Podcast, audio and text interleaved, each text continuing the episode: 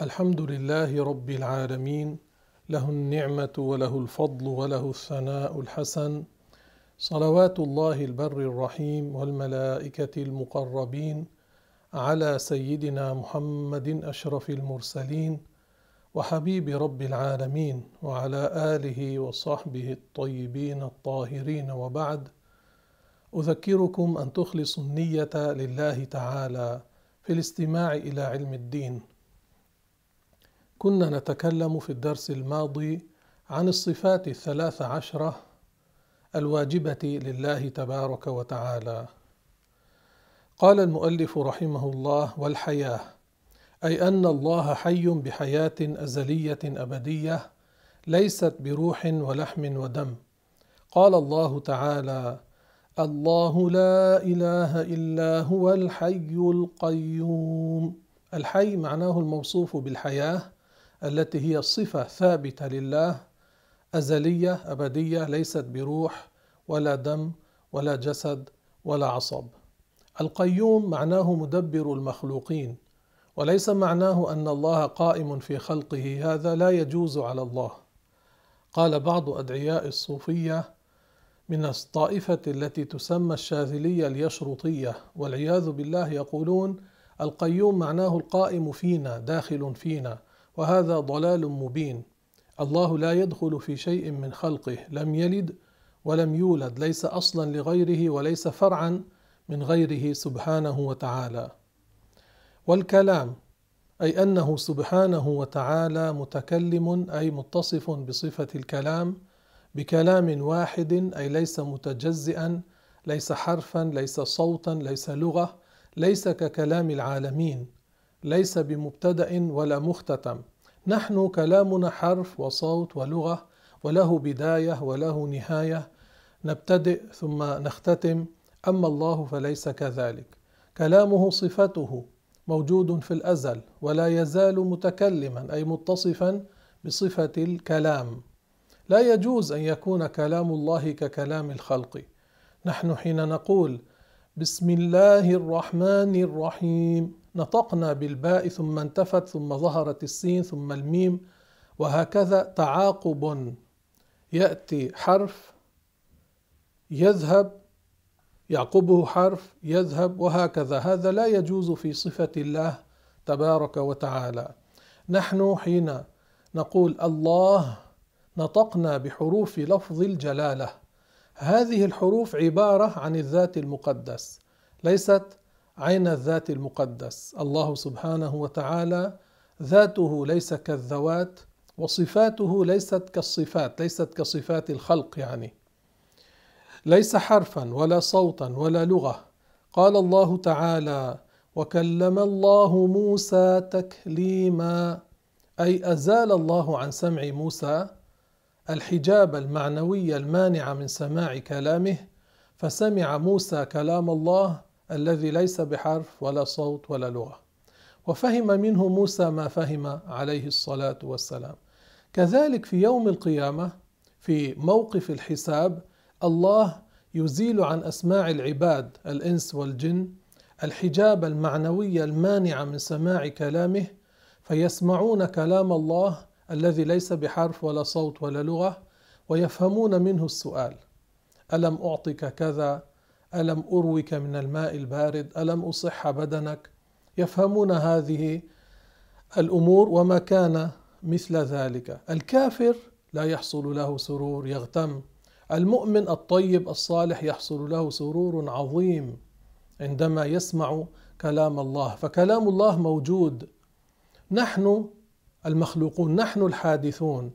نحن سمعنا حادث أما مسموعنا وهو كلام الله في موقف الحساب فليس بحادث. كما أن المؤمنين وهم في الجنة يرون الله تبارك وتعالى الذي ليس كمثله شيء لا صورة له ولا جسم له ليس كمثله شيء سبحانه وتعالى. هم حادثون أعينهم حادثة لكن في الجنة باقية.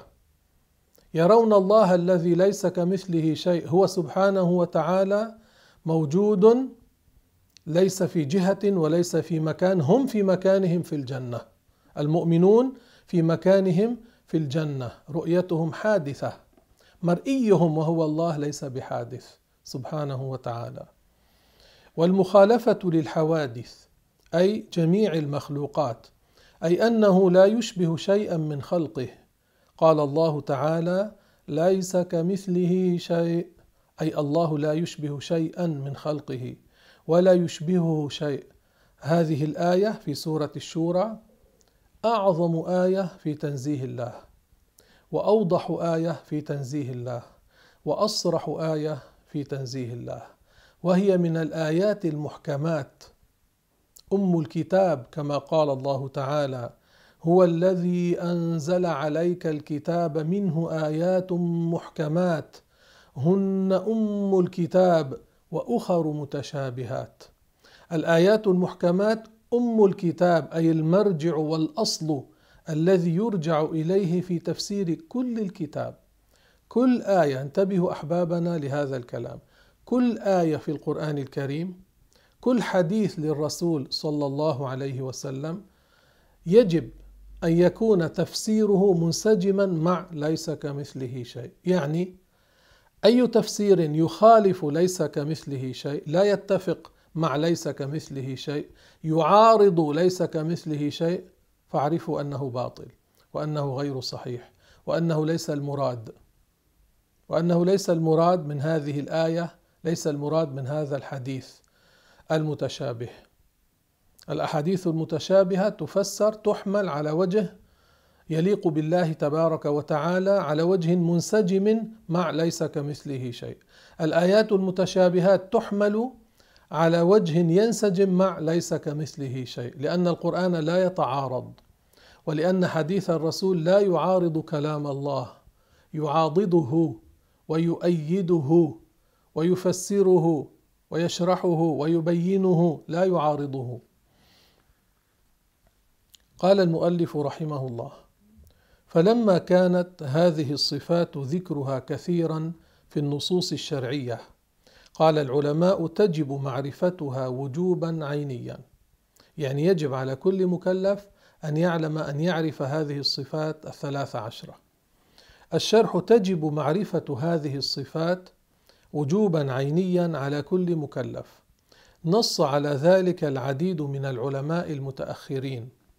منهم محمد بن يوسف السنوسي صاحب العقيدة السنوسية ومحمد بن الفضالي الشافعي وعبد المجيد الشرنوبي المالكي. وقبلهم بكثير ذكر مثل ذلك الإمام أبو حنيفة في الفقه الأكبر.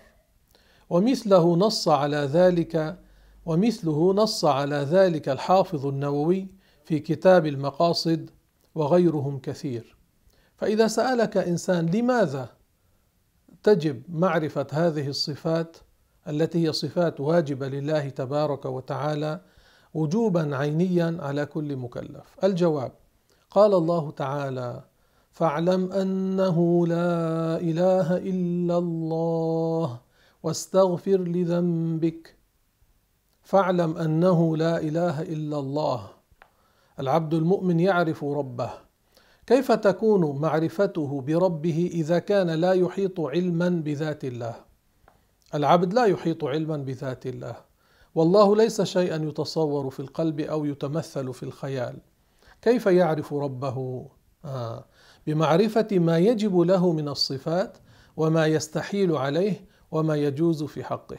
فلما كانت معرفة الله واجبة على كل مكلف ومعرفة الله ليست بالإحاطة بذاته بل بمعرفة ما يجب له وما يستحيل عليه وما يجوز في حقه.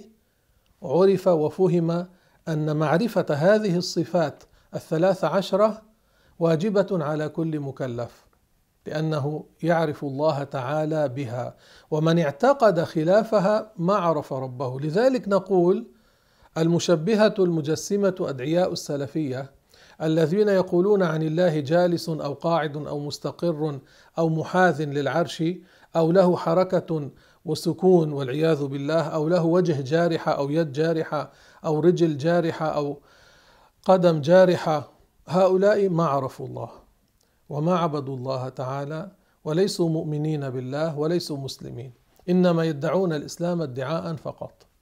فإذا قال لك إنسان لكنهم يقولون بألسنتهم لا إله إلا الله محمد رسول الله ويصلون في المساجد الصلوات الخمس. تقول له وكذلك المنافقون. كانوا يفعلون أيام الرسول صلى الله عليه وسلم ينطقون بالشهادتين. بلسانهم يقولون الشهادتين. صورة يصلون في المسجد الصلوات الخمس خلف النبي صلى الله عليه وسلم. الرسول عليه الصلاة والسلام كان في المسجد فأوحى الله إليه بأسماء المنافقين. فوقف قام في المسجد صلى الله عليه وسلم وصار يقول يا فلان اخرج من المسجد أنت منافق. قبل هذا ما كان يعرفهم. لكن الشاهد هنا أنهم كانوا ينطقون بالشهادتين ويصلون ظاهرا صورة الصلوات الخمس لكنهم منافقون كفار وهؤلاء كالمنافقين. ينطقون بالشهادتين يصلون الصلوات الخمس صورة ويقرؤون القرآن لكن يعتقدون اعتقادا باطلا في حق الله فليسوا مؤمنين وليسوا مسلمين. الرسول صلى الله عليه وسلم حين تحدث عن الخوارج قال هم من جلدتنا ويتكلمون بألسنتنا تعرف منهم وتنكر يقرؤون القرآن لا يجاوز حناجرهم. يحقر أحدكم صلاته إلى صلاتهم وقراءته إلى قراءتهم. يمرقون من الدين مروق السهم من الرمية ثم لا يعودون فيه. لئن أدركتهم لأقتلنهم شر قتلة. هم شر الخلق والخليقة. من قتلهم فله أجر شهيد ومن قتلوه فهو شهيد. هكذا تحدث الرسول عليه الصلاة والسلام عن الخوارج. الذين يدعون الإسلام. يقول يحقر أحدكم صلاته إلى صلاتهم يعني يستقل. يقول كم يصلون؟ وقراءته إلى قراءتهم كم يقرؤون القرآن؟ قال عليه الصلاة والسلام يقرؤون القرآن لا يجاوز حناجرهم. قال الرسول صلى الله عليه وسلم دعاة على أبواب جهنم. ليسوا مسلمين لكنهم يدعون الإسلام والدعوة والإرشاد والإصلاح وأنهم مع السلف الصالح والسلف الصالح بريء منهم. عقيدتهم ليست كعقيدة السلف الصالح. يخالفون كل المسلمين ويكفرون المسلمين بلا ذنب بلا معصية. إذا إنسان مسلم قال يا محمد يقولون له أشركت. إذا إنسان مسلم علق الحرز الحجاب يقال له الحجاب فيه آية قرآنية أو ذكر يقولون له مشرك علقت التميمة أنت جاهلي. التميمة التي يعلقها المشركون خرزات يعتقدون أنها تدفع الضرر بذاتها بدون مشيئة الله. هذه ليست تميمة هذه شيء حسن. يتهمون المسلم بالشرك بالكفر. إذا تبرك بالنبي توسل بالنبي توسل بالصالحين إذا أراد أن يمسح يده على الشبيكة عند رسول الله صلى الله عليه وسلم ينعتونه بالمشرك يقولون له أنت تعبد القبر تعبد الوثن والعياذ بالله. يكفرون المسلمين بلا ذنب بلا سبب بلا سبب حقيقي. هكذا لمجرد أنهم يرون ذلك كفرا يكفرونه. أبو أيوب الأنصاري رضي الله عنه ثبت عنه كما روى الحاكم والإمام أحمد أنه وضع وجهه على قبر النبي صلى الله عليه وسلم. من؟ أبو أيوب الأنصاري. هل يقال عنه أشرك؟ هل يقال عنه عصى؟ لأنه وضع وجهه على قبر النبي. رآه مروان بن الحكم ما عرف أنه هو فقال له أتدري ما تصنع؟ يخاطب أبا أيوب. فالتفت إليه أبو أيوب قال نعم جئت رسول الله ولم آت الحجر. يعني المقصود للتبرك بالذات هو رسول الله وليس الحجر. لكن الحجر جاور الرسول فصار مباركا. أفضل خلق الله محمد عليه الصلاة والسلام. قال بعض فقهاء الحنابلة التراب الذي ضم جسد النبي أفضل عند الله من العرش. الكعبة مباركة. إن أول بيت وضع للناس للذي ببكة مباركة الرسول أفضل من الكعبة. أفضل خلق الله محمد عليه الصلاة والسلام. الحجر الأسود الذي من الجنة مبارك الرسول قبله ومسح عليه وفعل عمر كذلك لأنه رأى الرسول يفعل ذلك. الرسول أفضل من الحجر الأسود. الرسول أفضل من الجنة. الرسول أفضل الخلق. فيتبرك به صلى الله عليه وسلم. في الحديث الصحيح الذي رواه البخاري وغيره أن الصحابة كانوا يأخذون وضوء رسول الله صلى الله عليه وسلم حين يتوضأ لا يتركونه يسقط على الأرض في أيديهم حتى يتبركوا به. في بعض الروايات يتقاتلون على ماء وضوء الرسول صلى الله عليه وسلم. ومن لم يدرك أن يمسه مس من مسه من حرصهم على التبرك برسول الله صلى الله عليه وسلم. فالرسول مبارك وريقه مبارك. وريق الرسول مبارك عليه الصلاة والسلام وعرقه صلى الله عليه وسلم مبارك.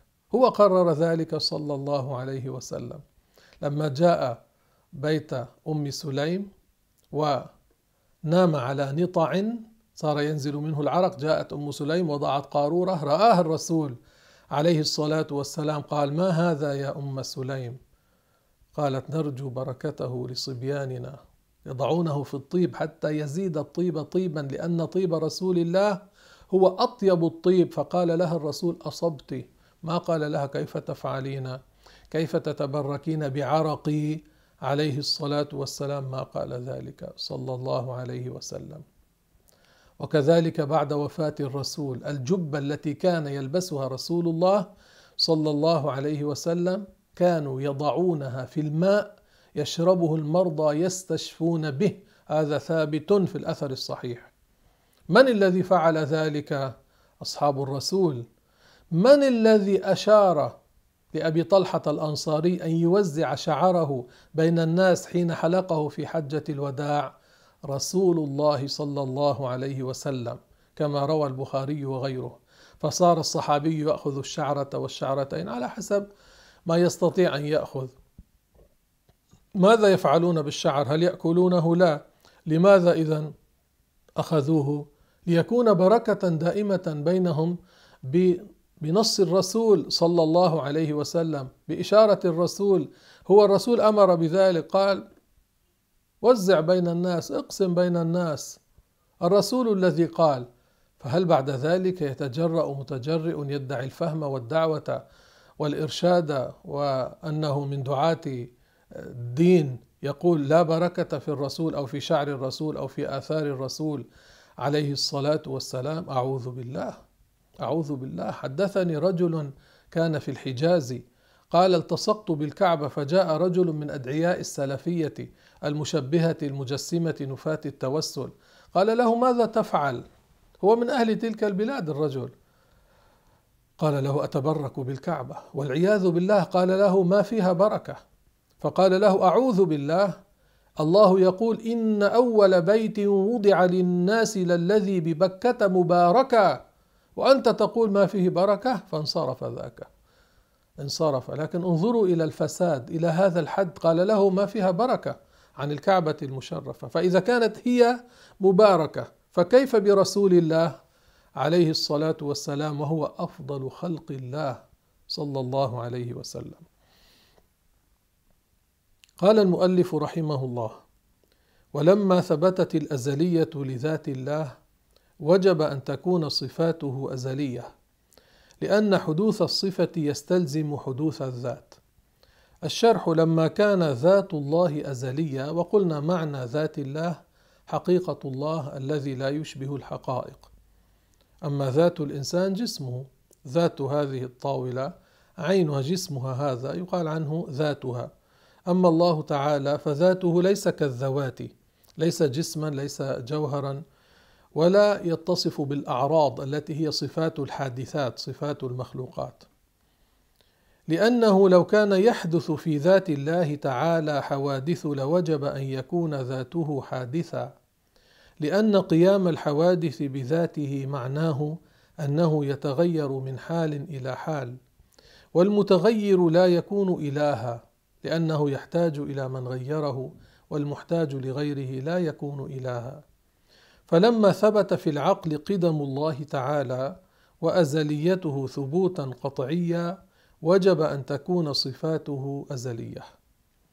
قال المؤلف رحمه الله ومعنى أشهد أن محمدا رسول الله أعلم وأعتقد وأعترف أن محمد بن عبد الله بن عبد المطلب بن هاشم بن عبد مناف القرشي صلى الله عليه وسلم عبد الله ورسوله إلى جميع الخلق ويتبع ذلك اعتقاد أنه ولد بمكة وبعث بها نزل عليه الوحي وهو مستوطن بمكة. وهاجر إلى المدينة ودفن فيها أي مات في المدينة ودفن الرسول في المدينة المنورة. والرسول قال الأنبياء أحياء في قبورهم يصلون. يعني إذا واحد قال لك قد مات الرسول. فقل له الرسول قال الأنبياء أحياء في قبورهم يصلون. نعم مات لكن رجع الروح إلى جسده وهو حي في قبره يصلي وهو يرد السلام على المسلمين صلى الله عليه وسلم. ويتضمن ذلك أنه صادق في جميع ما أخبر به وبلغه عن الله. كل ما أخبر به الرسول وبلغه عن الله فهو صادق فيه ولا يحتمل الكذب ولا يحتمل الغلط ليس كما ادعى واحد من أدعياء العلم والدعوة إلى الله والعياذ بالله قال على التلفزيون عدة مرات قال الرسول يجتهد في التشريع ويخطئ وهذا تكذيب للدين وتكذيب للقرآن وتكذيب للرسول. قال الله تعالى وما ينطق عن الهوى إن هو إلا وحي يوحى الرسول إذا تكلم في مسألة دينية فهي كما قال عليه الصلاة والسلام. إذا تكلم في أمر قد مضى كما قال. إذا تكلم في أمر من أمور البرزخ الحياة التي تكون بين الموت وبين يوم القيامة فهو كما قال. إذا إذا تكلم الرسول عن أمر من أمور يوم القيامة فهو كما قال عليه الصلاة والسلام. فكلام هذا الرجل باطل. قال رسول الله صلى الله عليه وسلم ما أمرتكم به ما أمرتكم به من أمر دينكم فخذوه. يعني لا يحتمل الخطأ. والله يقول وما آتاكم الرسول فخذوه. والله يقول قل أطيعوا الله والرسول صلى الله على سيدنا محمد. فمن ذلك عذاب القبر ونعيمه. الرسول أخبر بذلك فهو كما أخبر. في القبر عذاب للكفار ولبعض عصاة المسلمين. وفي القبر نعيم للصالحين للأتقياء للشهداء. كما قال الرسول صلى الله عليه وسلم خالف أهل السنة جماعة في ذلك فنفوا عذاب القبر. وعذاب القبر مذكور في القرآن النار يعرضون عليها غدوا وعشيا ويوم تقوم الساعة أدخلوا آل فرعون أشد العذاب. النار يعرضون عليها غدوا وعشيا في أول النهار وفي آخر النهار. ويوم تقوم الساعة معناه كانوا يتعذبون في القبر. آل فرعون الكفار وكذلك سائر الكفار. والرسول صلى الله عليه وسلم ثبت عنه في الحديث الصحيح أنه مر بقبرين فقال إنهما ليعذبان. وما يعذبان في كبير إثم؟ قال بلى يعني فيما يرى الناس ليس كبيرا. قال بلى أما أحدهما فكان يمشي بالنميمة وأما الآخر فكان لا يستتر من البول. ثم دعا بعسيب رطب جريد النخل فشقه نصفين وغرس على هذا واحدا وعلى هذا واحدا وقال لعله يخفف عنهما ما لم ييبسا. قال العلماء إذا كان المؤمن في قبره يستفيد من العسيب الرطب فلأن يستفيد من قراءة المؤمن القرآن عند قبره أولى العسيب الرطب المؤمن أفضل منه لكن هؤلاء الذين يعارضون أهل السنة ضاعت عقولهم. يقولون لا لا ينتفع الميت بقراءة القرآن. كيف لا ينتفع؟ إذا كان انتفع بالعسيب الرطب الذي غرسه الرسول صلى الله عليه وسلم. كيف لا ينتفع إذا قرأ المؤمن القرآن عند قبره؟ هذا العسيب الرطب يسبح الله وإن من شيء إلا يسبح بحمده. فالمؤمن إذا قرأ القرآن المؤمن أفضل من العسيب الرطب فبالأولى أنه يستفيد من ذلك. وإن كان بعيدا عن القبر يقول بعد القراءة اللهم أوصل ما قرأت أو ثواب ما قرأت إلى فلان. فيحصل الفائدة تحصل من ذلك وهذا ما عليه كل علماء الإسلام. خالف في ذلك أدعياء السلفية نفاة التوسل المشبهة المجسمة. خالفوا المسلمين شذوا عن كل المسلمين. قال رسول الله صلى الله عليه وسلم اقرأوا ياسين على موتاكم. رواه ابن حبان وصححه. وكل القرآن ينفع. إذا نفعت سورة ياسين فكل القرآن أيضا ينفع. لا مانع في الشرع. من ذلك بل الشرع يدل على ذلك. وسؤال الملكين منكر ونكير والبعث والحشر والقيامة والحساب والثواب والعذاب والميزان والنار والصراط كل هذا أخبر عنه الرسول. والحوض والشفاعة والجنة والرؤية لله تعالى بالعين في الآخرة بلا كيف ولا مكان ولا جهة. يعني أن المؤمنين وهم في الجنة يرون الله الذي ليس له مكان ولا جهة. هم في الجنة مكانهم. الله موجود بلا جهة ولا مكان لأنه خالق الجهات والأماكن وخالق الأحجام. الأحجام الأجسام هي التي يكون لها جهة ومكان. خالقها ليس مثلها فإذا ليس له جهة ولا مكان. ليس حجما بالمرة. قال زين العابدين رضي الله عنه علي بن الحسين علي بن الحسين بن علي رضي الله عنهم سبحانك أنت الله لا يحويك مكان لا تمس ولا تمس. الله سبحانه وتعالى ليس جسدا ولا يحويه مكان كما قال أفضل قرشي في زمانه زين العابدين الإمام السجاد. قال لا يحويك مكان. معناه لست جسما لست حجما. موجود ليس له جهة وليس له مكان. لا كما يرى المخلوق. الله يرى لا كما يرى المخلوق لأن المخلوق يرى في جهة ومقابلة.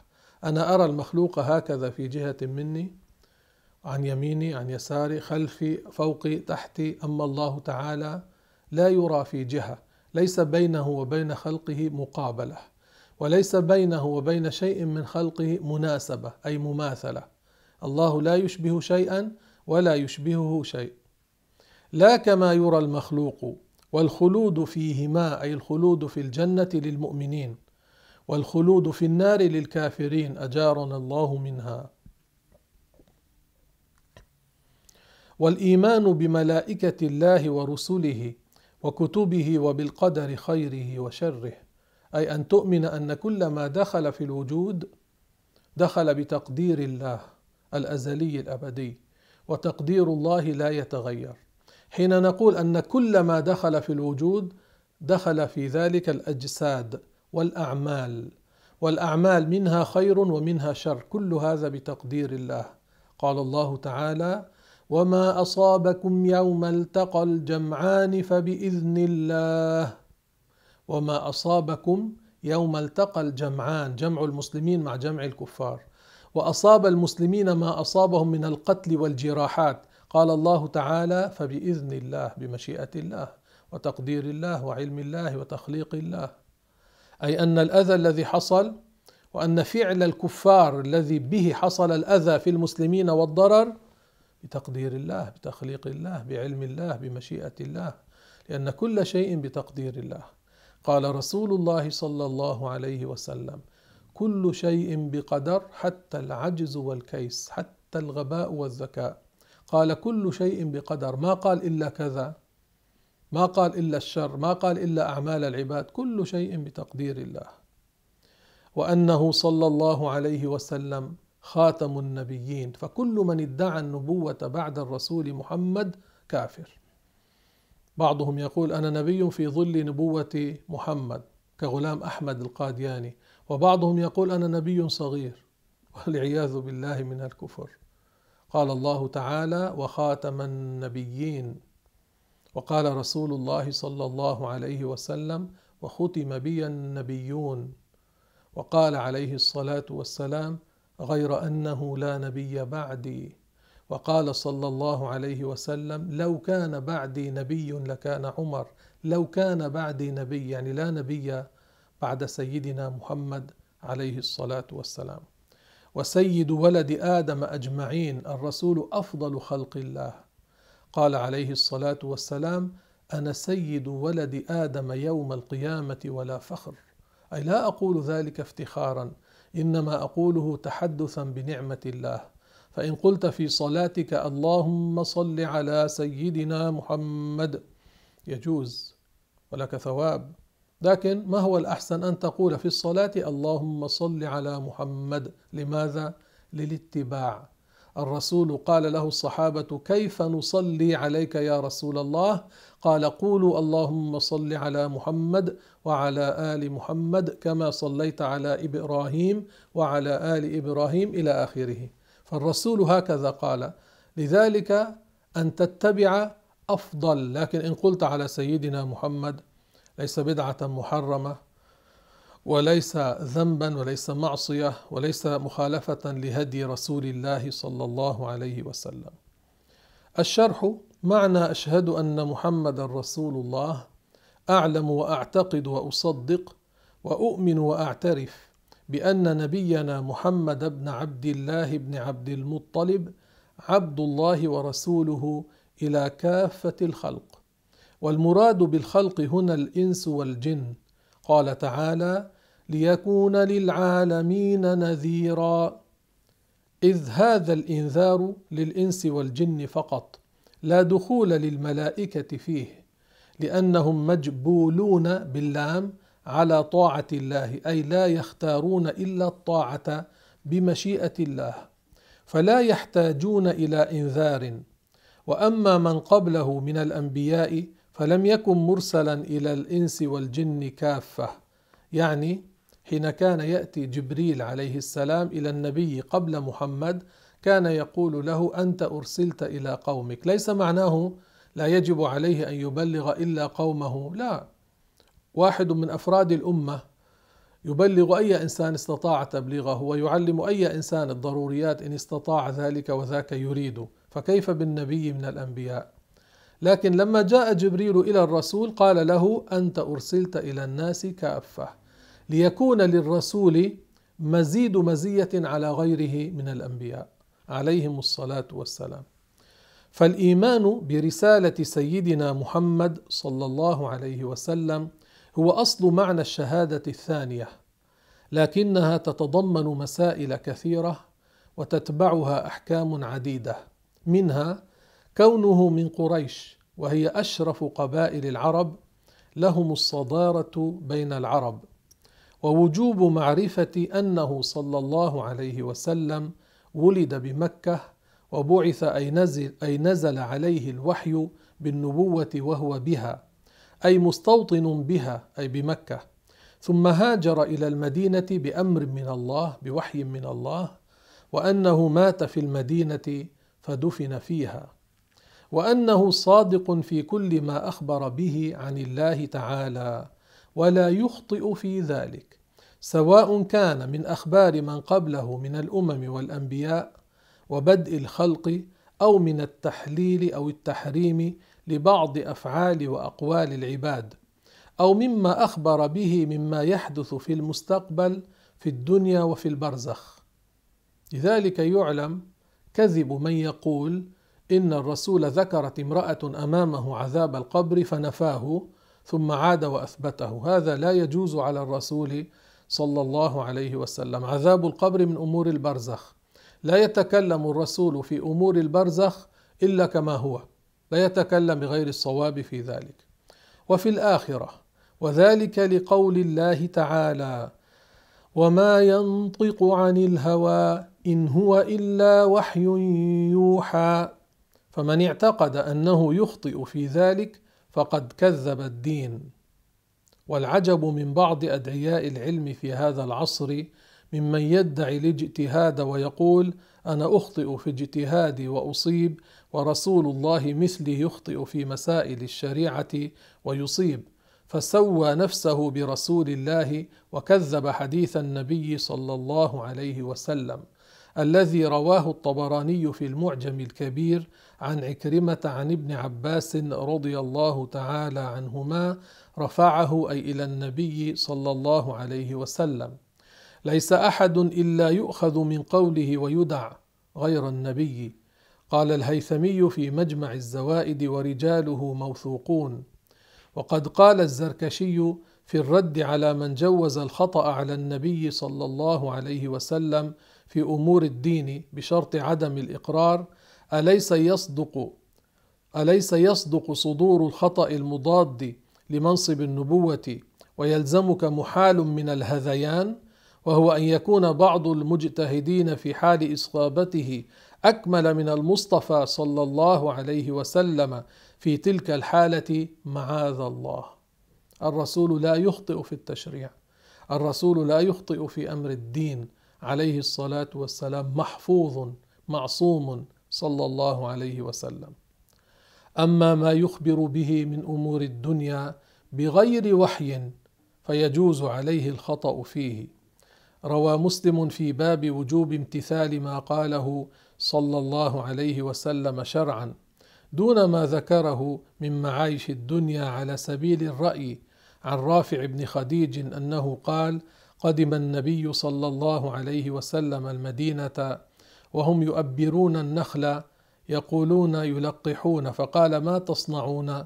قالوا نصنعه. قال لعلكم لو لم تفعلوا كان خيرا.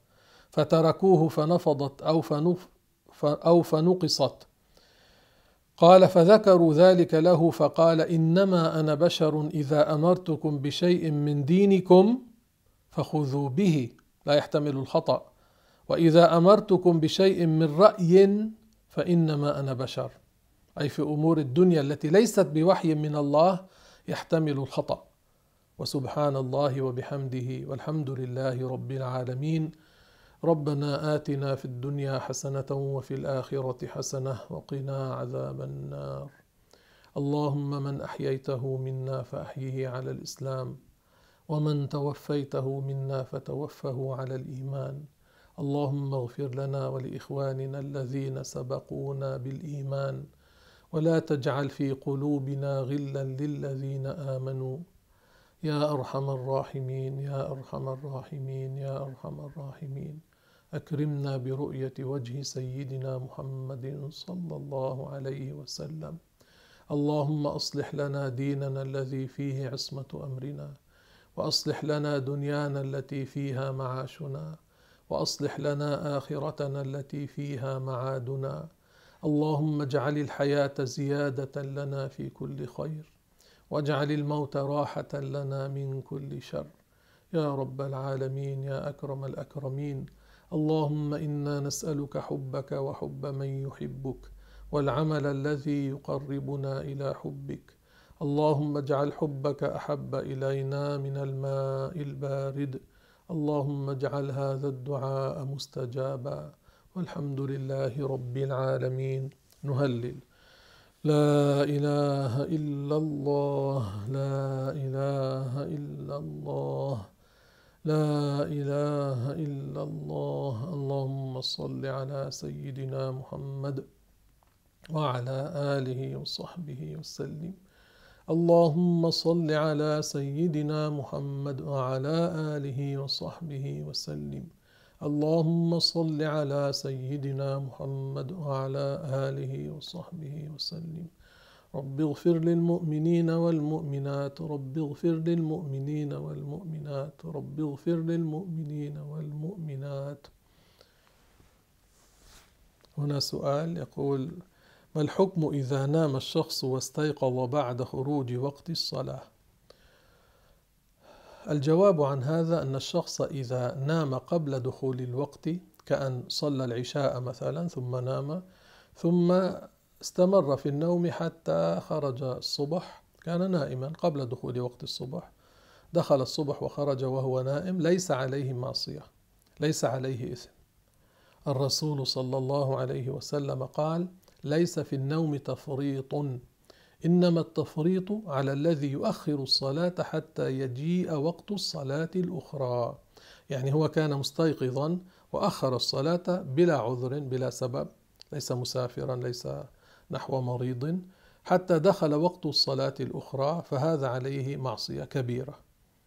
قول الله تعالى فويل للمصلين الذين هم عن صلاتهم ساهون قال عبد الله بن مسعود هم الذين يؤخرون الصلاة حتى يجيء وقت الصلاة الأخرى أي بلا عذر وكانت امرأة صفوان بن المعطل جاءت إلى الرسول صلى الله عليه وسلم.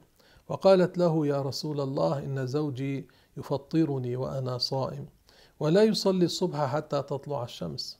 فاستدعاه الرسول صلى الله عليه وسلم وسأله عن قولها.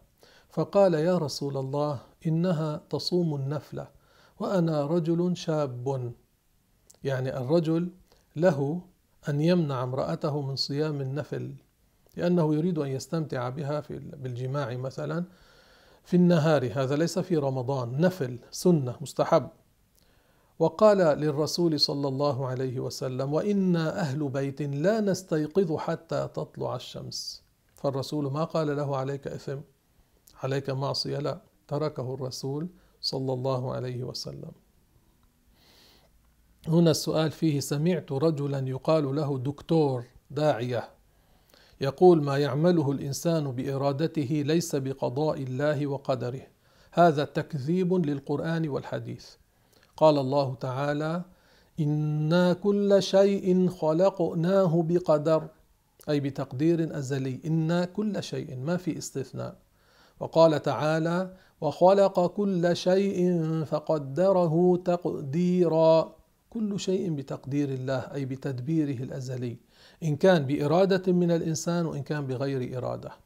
إن كان خيرا وإن كان شرا. إن كان طاعة وإن كان معصية. كل شيء بتقدير الله. كما قال الرسول كل شيء بقدر حتى العجز والكيس. وقال الرسول صلى الله عليه وسلم قدر الله وما شاء فعل. قدر الله أي في الأزل. تقدير الله أزلي ومشيئته أزلية أي لا بداية لها. وعلمه أزلي سبحانه وتعالى. يقول وأيضا رجل مشهور قال على التلفزيون الإنسان له حرية اختيار الدين الذي يريده. هذا الكلام أيضا ضد القرآن وضد الحديث. بعبارة سهلة وبسيطة يقال لهؤلاء لو كان الله أعطى حرية اختيار الدين للإنسان أن يختار أي دين لما بعث الله الأنبياء. انتهى الأمر إلى هنا. أليس الله أرسل الأنبياء عليهم الصلاة والسلام؟ ما وظيفتهم؟ ماذا يعلمون الناس الأنبياء؟ يعلمونهم أمر دينهم ومصالح معيشتهم. يعلمونهم دين الإسلام إن الدين عند الله الإسلام. وقال تعالى ومن يبتغي غير الإسلام دينا فلن يقبل منه وهو في الآخرة من الخاسرين. الله يقول فلن يقبل منه. ويأتي شخص يدعي أنه داعية يقول الإنسان له حرية الاختيار أن يختار الدين الذي يريد. أليس هذا كذب القرآن؟ الرسول عليه الصلاة والسلام قال الأنبياء إخوة لعلات دينهم واحد وأمهاتهم شتى يعني شرائعهم مختلفة. أما الدين الذي أنزله الله على كل الأنبياء واحد وهو الإسلام. ما كان إبراهيم يهوديا ولا نصرانيا ولكن كان حنيفا مسلما وما كان من المشركين. إبراهيم كان حنيفا مسلما مائلا عن الباطل إلى الحق إلى دين الإسلام. فهؤلاء يضلون الناس الذي يصدقهم يضل. لا يقال الإنسان له حرية اختيار الدين والفكر والتعبير. هذا خلاف الشريعة. هؤلاء يتكلمون على الهوى ليس على ما يقتضيه. الشرع. ليس على ما أخذ من القرآن والحديث. هؤلاء يخالفون القرآن ويخالفون الحديث. الرسول صلى الله عليه وسلم دعا الناس إلى الإسلام أن يدخلوا في دين الإسلام. لما كان الرسول عليه الصلاة والسلام يقول في الحديث المتواتر الذي ثبت وهو متواتر أي هو حجة كالقرآن قال أمرت أن أقاتل الناس حتى يشهدوا أن لا إله إلا الله وأن محمدا رسول الله. فإذا فعلوا ذلك عصموا مني دماءهم وأموالهم إلا بحقها. فإن قال لك قائل بالقوة أليس في الشرع أن من عصى الله تعالى أن من ارتكب المخالفات للشرع كأن شرب الخمر يقام عليه الحد كأن زنى يقام عليه الحد كأن قتل عمدا وأهل القتيل يريدون القصاص أنه يقتص منه هذا في شرع الله هذا في دين الله أليس هذا معناه بالقوة؟ لماذا؟ لأنه خالف الأوامر لأنه عصى الله تبارك وتعالى فالله سبحانه وتعالى أنزل هذا الشرع أنزل هذا الدين على الأنبياء وأمر الناس أن يتبعوا النبيين من خالف يستحق العقاب. الآن أحبابنا انتبهوا لهذا الكلام. الناس الحكام يضعون أحكاما وضعية هم يضعونها ثم يرتبون على مخالفتها عقوبات سجن وغرامات وكذا وكذا وكذا وكثير منهم يستحسن ذلك. وهو إنسان بشر هو وضع هذا القانون هذا الشرع الذي أنزله الله سبحانه وتعالى. وأمر الناس أن يعملوا به من خالفه. يستحق العقاب. هذا دين الله. نحن لا نتكلم بالهوى والرأي. نحن نتكلم على حسب الشريعة على حسب الدين. لكن كثير من الناس صاروا يتكلمون هكذا على حسب الهوى على حسب آرائهم. لا يتقيدون بشرع الله. هنا سؤال هل يستعمل الصائم السواك؟ نعم. السواك مستحب وهو يضاعف أجر الصلاة. قال رسول الله صلى الله عليه وسلم ركعتان بالسواك أفضل من سبعين ركعة بدون سواك. يضاعف أجر الصلاة إلى سبعين. وكان الرسول يستعمل السواك حتى في رمضان. روى ابن حبان وصححه أنه صلى الله عليه وسلم استاك بعد الزوال في رمضان وهو صائم. عليه الصلاة والسلام. فالسواك مستحب وأحسنه الأراك خشب الأراك. يستعمل هكذا يستاك به بنية حسنة. ويستحب في عند الوضوء عند دخول البيت عند قراءة القرآن عند الصلاة. هذا السواك وعندما يقوم بالليل كان رسول الله صلى الله عليه وسلم إذا استيقظ من الليل يشوص فاه بالسواك. فالسواك فيه فوائد عظيمة جدا. ويكفي أنه يقتدى بالرسول بهذا الفعل يعني يكون اقتداء برسول الله صلى الله عليه وسلم. هنا سؤال فيه إن شككت في عدد ما صليت من الركعات ماذا أفعل؟ دائما انتبهوا لهذا. إذا شك الشخص هل فعل هذا الشيء في الصلاة من الأركان أم لا؟ يفعله. إذا شك هل صلى ركعتين أم ركعة يبني على اليقين وهو الأقل ويأتي بركعة حتى يطمئن أنه صلى ركعتين. فإذا شك الإنسان في صلاته كم ركعة صليت؟ يبني على اليقين. اليقين هو الأقل ويأتي بزيادة. وإن شاء استحبابا قبل أن يسلم يسجد سجدتين للسهو. استحبابا. ليس فرضا. هذا ليس فرضا. فإذا من شك في عدد الركعات بنى على اليقين وهو الأقل وأتم صلاته بناء على ذلك. أما لو كان مأموم يصلي خلف شخص فهو يبني على يقينه. يعني إذا الإمام قام في الرباعية إلى خامسة بحسب حساب المأموم لا يلحقه لأن صلاة الظهر مثلا أربع ركعات. الإمام شك فبنى على يقينه وأتى بركعة خامسة. بالنسبة له هذه الرابعة للأجل اليقين رابعة. المأموم عرف أنها خامسة لا يتبعه في ذلك إما أن ينتظره وإما أن ينوي المفارقة ويسلم. والحمد لله رب العالمين والله أعلم وأحكم.